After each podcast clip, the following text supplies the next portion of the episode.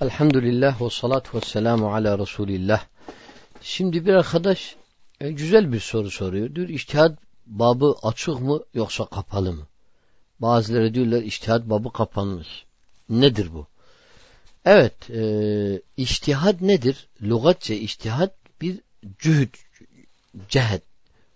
Zaten nereden almış? Cühütten almış. Cühüt, meşakkat vermek. Buradan almış. Takat, güç, iştihad budur. Ama istilahta iştihadın anlamı nedir? Bunun gibi bir şeydir aynen. Çaba göstermek, takatini hüküm şer'iyi çıkartmaktadır. Bunun alimler demişler ki istilahatta, istilahta iştihadın anlamı şudur. Bir emek verip o emeklen fıkhi hükümleri şeria zanni hüküm, e, fıkhi zanni hükümleri şeriatten çıkartmaktır. Zanni hükümleri. Burada iştihad olur. Apaçuk hükümlerde olmaz iştihad. Evet. Bu iştihattır. İştihat kapısı kapalı mı açık mı? Hayır. İştihat kapısı açıktır. Hiç kimse kapalıdır diyemez. Ha demişler bunu zamanında. Evet demişler. Niye demişler iştihat kapısı kapalıdır? Sebeplerden dolayı demişler. Bir kısmı alimler taassuptan dolayı bunu demişler. Taassup etmişler kendi mezheplerine. Demişler iştihat çünkü mezhebin içinde bazı alimler çıkmış mezhebin hatalarına reddetmişler. İştihaden demişler onlar iştihad ettiler biz de iştihad ettik. Biz daha delil bulduk sahih bu mezhep bu konuda mezhebimiz bu konuda yanılmış doğrusu olan budur. Bazı mutaassip alimler Buna karşı çıktılar. Nasıl? Vay sen nasıl mezhebe karşı çıkarsın? Senden böylece alimlere karşı çıkarsın? Demişler iştihat babı kapatmışlar. Bir kısmı da cehaletten dolayı tabi. Bir kısmı da e, iyi niyetten dolayı korkmuşlar. Demişler her gelen iştihad eder. Bu sefer ne derim? Kapı kapanmıştır mezheplerde. İştihat kapısı kapanmıştır. Kimse iştihad etmesin. Din de muhafaza olsun. Olduğu gibi çok güzel elimizde bir fıkıh var. E bu da güzel ama nedir? Fıkıh yenileniyor. Orada ne yapalım? Olmaz. Ondan dolayı bu da ne zaman çıktı? Altıncı dönem yani 600 senenin başlarında bu çıktı. Ondan önce öyle 500 sene, 500 kusur sene öyle bir şey yok uydur. 500 seneden sonra ne çıktı? Bu iddia çıktı. Nedir iddia? İçtihat kapısı kapalıdır. İçtihat kapısı aslında açıktır. Hem de mutlak açıktır. Ehliyeti olan içtihad yapabilir kıyamet gününe kadar da. Öyle bir kapalılık yoktur. Ee, doğru olan da budur.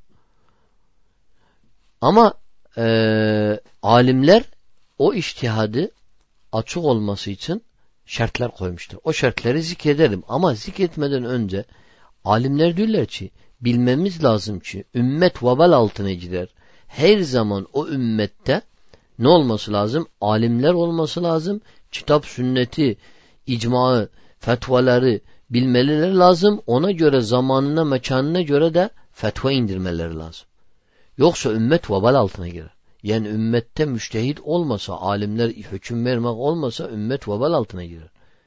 Bu iştihad meselesi sadece namaz nasıl kılınır mezhebe göredir değil değil. Bu iştihad meselelerinde bile e, içtihad meseleleri e, e, adet, örf, e, e, e, eğitimle ilgili, e, aile e, eğitimiyle ilgili vesaire bunlar hepsi İslam bir mükemmel bir dindir. İslam genel bir dindir. Kıyamet gününe kadar bir dindir. İslam her zaman e, olacak bir dindir. Her zamana, her mekana cevap verecek bir dindir.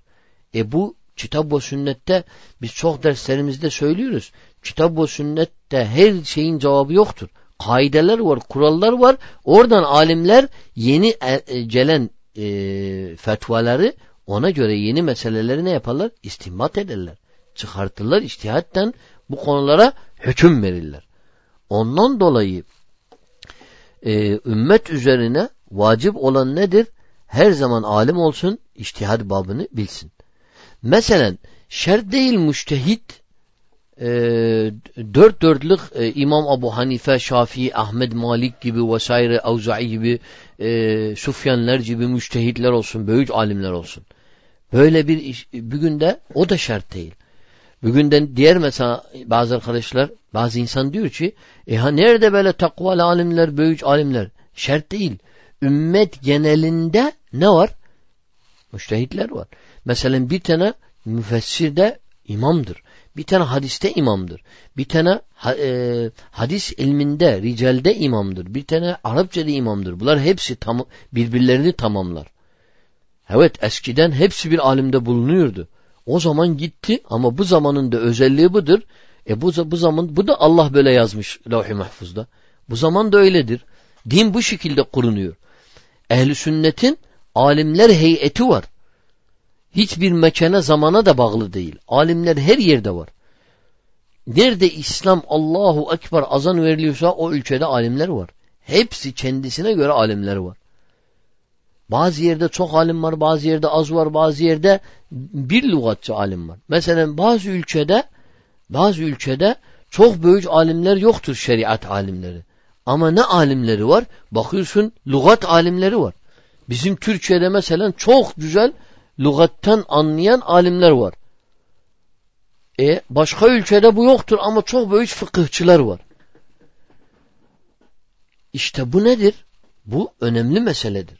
Bunlar alimler birbirlerini tamamlarlar. Ne olur? İçtihat babı açık kalır her zaman.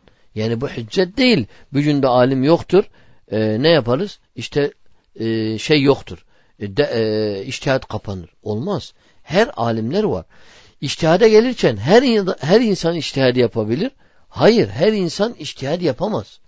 Tamam biz içtihat kapısı kapalıdır değil ama bu içtihat yapmak için insanın şahadası, diploması olması lazım.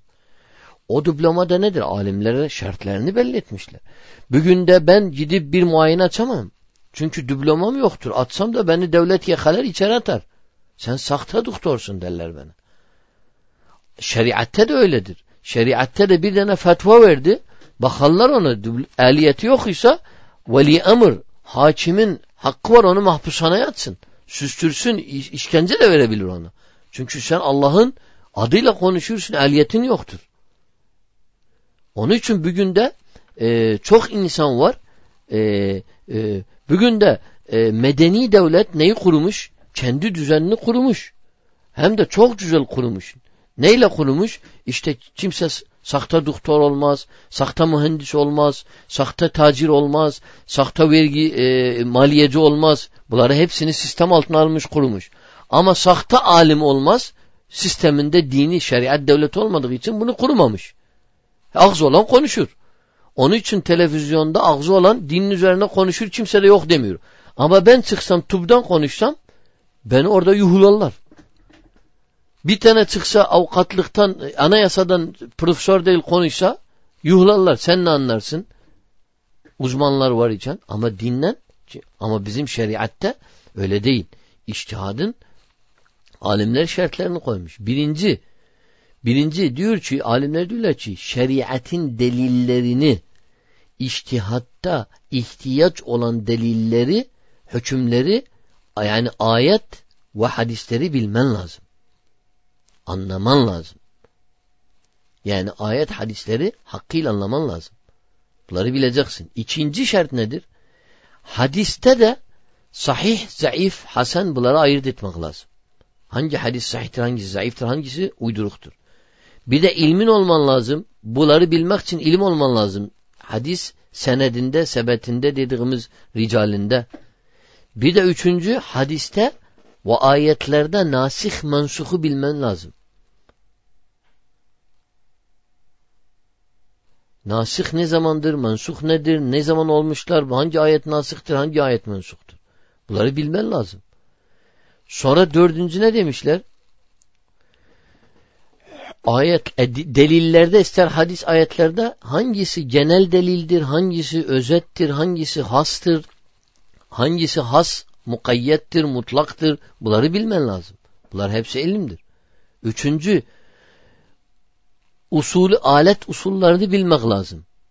Ee, dördüncü e, e, pardon beşinci alet usullarını bilmek lazım. Nedir? O da lügatça, lügatin lügatin şeyini bilmesi lazım. Hükmünü bilmesi lazım. Lügat nedir? Arapça dilini, edebiyetini, gramerini, kaidesini bilmesi lazım. Usulü fıkıh bilmesi lazım. Usul fıkıh nedir? Nasıl olur? Tarihi nedir? Nasıl olur? Nasıl kullanır? Kaide-i fıkhiye bilmesi lazım. Am, has, mutlak, mukayyet, mucmel, mubeyyen bunları hepsi usul fıkıhta bilecektir. Bunu bilemese bir tane müştehid olmaz. Bunları bilmesi lazım. Bunları bildikten sonra hakkı var iştihad etsin. Bir de altıncı alimler demişler ki istimbat da, iştihat da hükmün kaderi kader olur. İlmin kaderi olur, hüküm ne kadar ihtiyaç var o kadar olur.